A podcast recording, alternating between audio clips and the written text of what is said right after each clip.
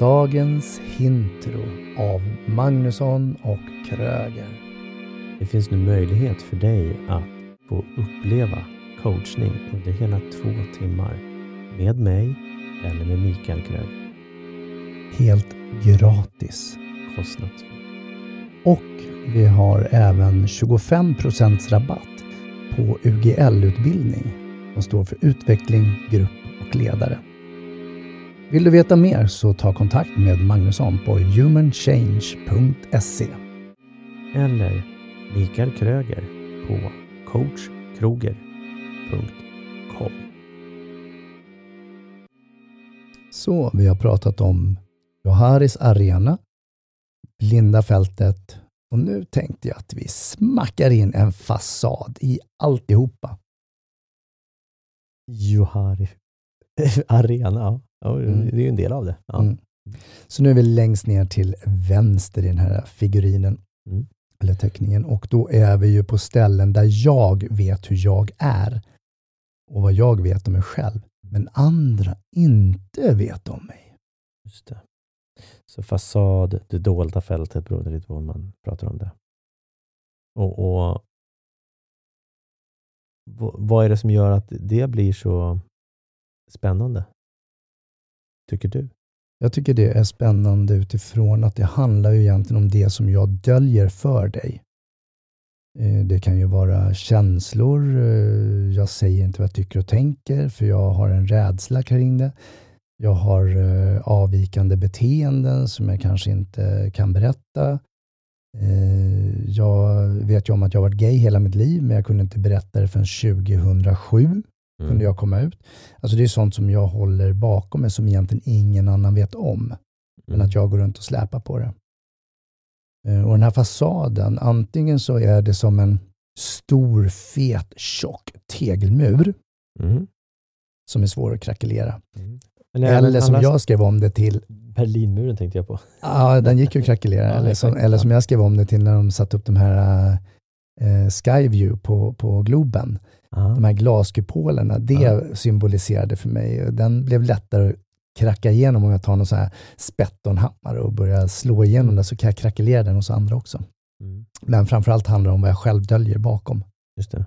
Hur mycket vågar jag visa? Mm. Hur mycket vågar jag dra ner fasaden? Och om du vet mina både bra och obra sidor, kommer du att utnyttja det mot mig? Gör jag mig själv sårbar så att du kan vara där och gräva och vara elak.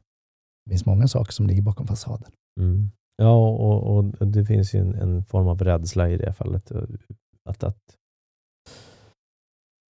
att kanske bli utnyttjad i någon form eh, och accepterad. Egentligen. Vad, får, kommer du tycka om mig om jag berättar det här? Vad händer i sammanhanget som vi har eller relationen eller liknande?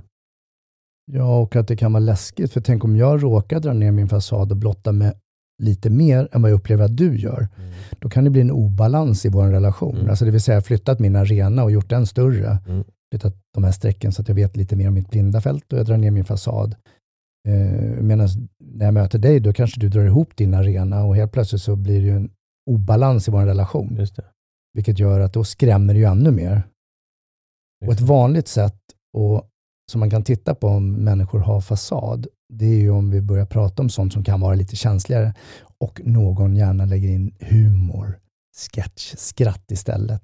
Alltså gömmer sig bakom fasaden. Mm. Eh, som jag hörde på nätverksträffen här eh, av en eh, han har åkt båda åren och första året pratade han med mig om min fasad och i år sa han, du är ju fortfarande lika fantastiskt duktig på one-liners. Mm. Alltså bara så här humoristiska, snabba, dish, dish, dish. Mm. Folk skrattar. Och så säger han det, men Kröger, du är ju mer genuin än så. Och jag känner ju faktiskt dig ytterligare. Så vad är det som gör att du behöver ha de där one-liners? Just det, sug på den du. Den är intressant. Mm. Och, det, och den, hur kändes det när du fick den då? Eh, Det känn... Först blir det så här, just det. Och så sa han, men du kommer ihåg vad vi pratade om förra året? Och då kom det tillbaka som en så flashback, för då hade jag fått feedback från honom. Ja. Och då fick vi ett väldigt, väldigt bra möte och började prata Mm. egentligen om, om själamöten och sånt där som är otroligt skrämmande för min del, för jag förstår inte ens. Nej. Men ett, ett, eh, ett helt annat samtal än att vi bara skulle studsa eh, skojiga, roliga one-liners på varandra. Just det. Så det blev, eh, det blev jättebra. Mm. Så det här blev ju en hjälp för mig att montera ner min egen fasad Plocka ner några tegelstenar. gentemot den här personen då. Mm. För att han öppnade upp sin arena och bjuder Mm. på sig. Och, och här har man ju också utmaningar i ledarskapet. Där är det många som ska hålla upp den här fasaden och inte visa sig sårbara. Och, och just för att man är rädd för den här obalansen. Och då, visa vägen, led helt enkelt. Dra ner fasaden själv, men du behöver inte dra ner den hela vägen till, till botten, utan men börja. För Ja, då har du gränslös arena. Ja, precis. Ja, och, och då, för det är då du också märker att de andra kommer också känna sig mer trygga och visa och dra ner eh, sin fasad helt enkelt. Och ska du träna på fasaden, börja med att prata om det som du känner, alltså dina känslor. Just Ja. nu känner jag mig rädd, just nu känner jag mig ledsen, just nu känner jag mig glad, just nu känner, vad du nu än känner. Mm. Försök att sätta ord på dem till andra människor så att de också kan hjälpa dig i fasadträsket. Kan man säga det? Ja, det kan man Bakom fasaden. mm. Tänk när vi kan krackelera fasaderna helt Ja. och sluta gå runt med massa fantasier. Mm. Då tror jag att vi skulle vara mer autentiska generellt sett. Hur skulle det låta om du krackelerade fasaden, om det nu var den här glasbubblan? Det skulle låta så här. Så, alternativ så tänker jag på eh, Ebba Gröns eh, Die Myr, Mauer, Die Myr, vad heter den? Allt här får ingen komma förbi, kommer Mm. aldrig över. Ja, de sjunger om Berlinmuren.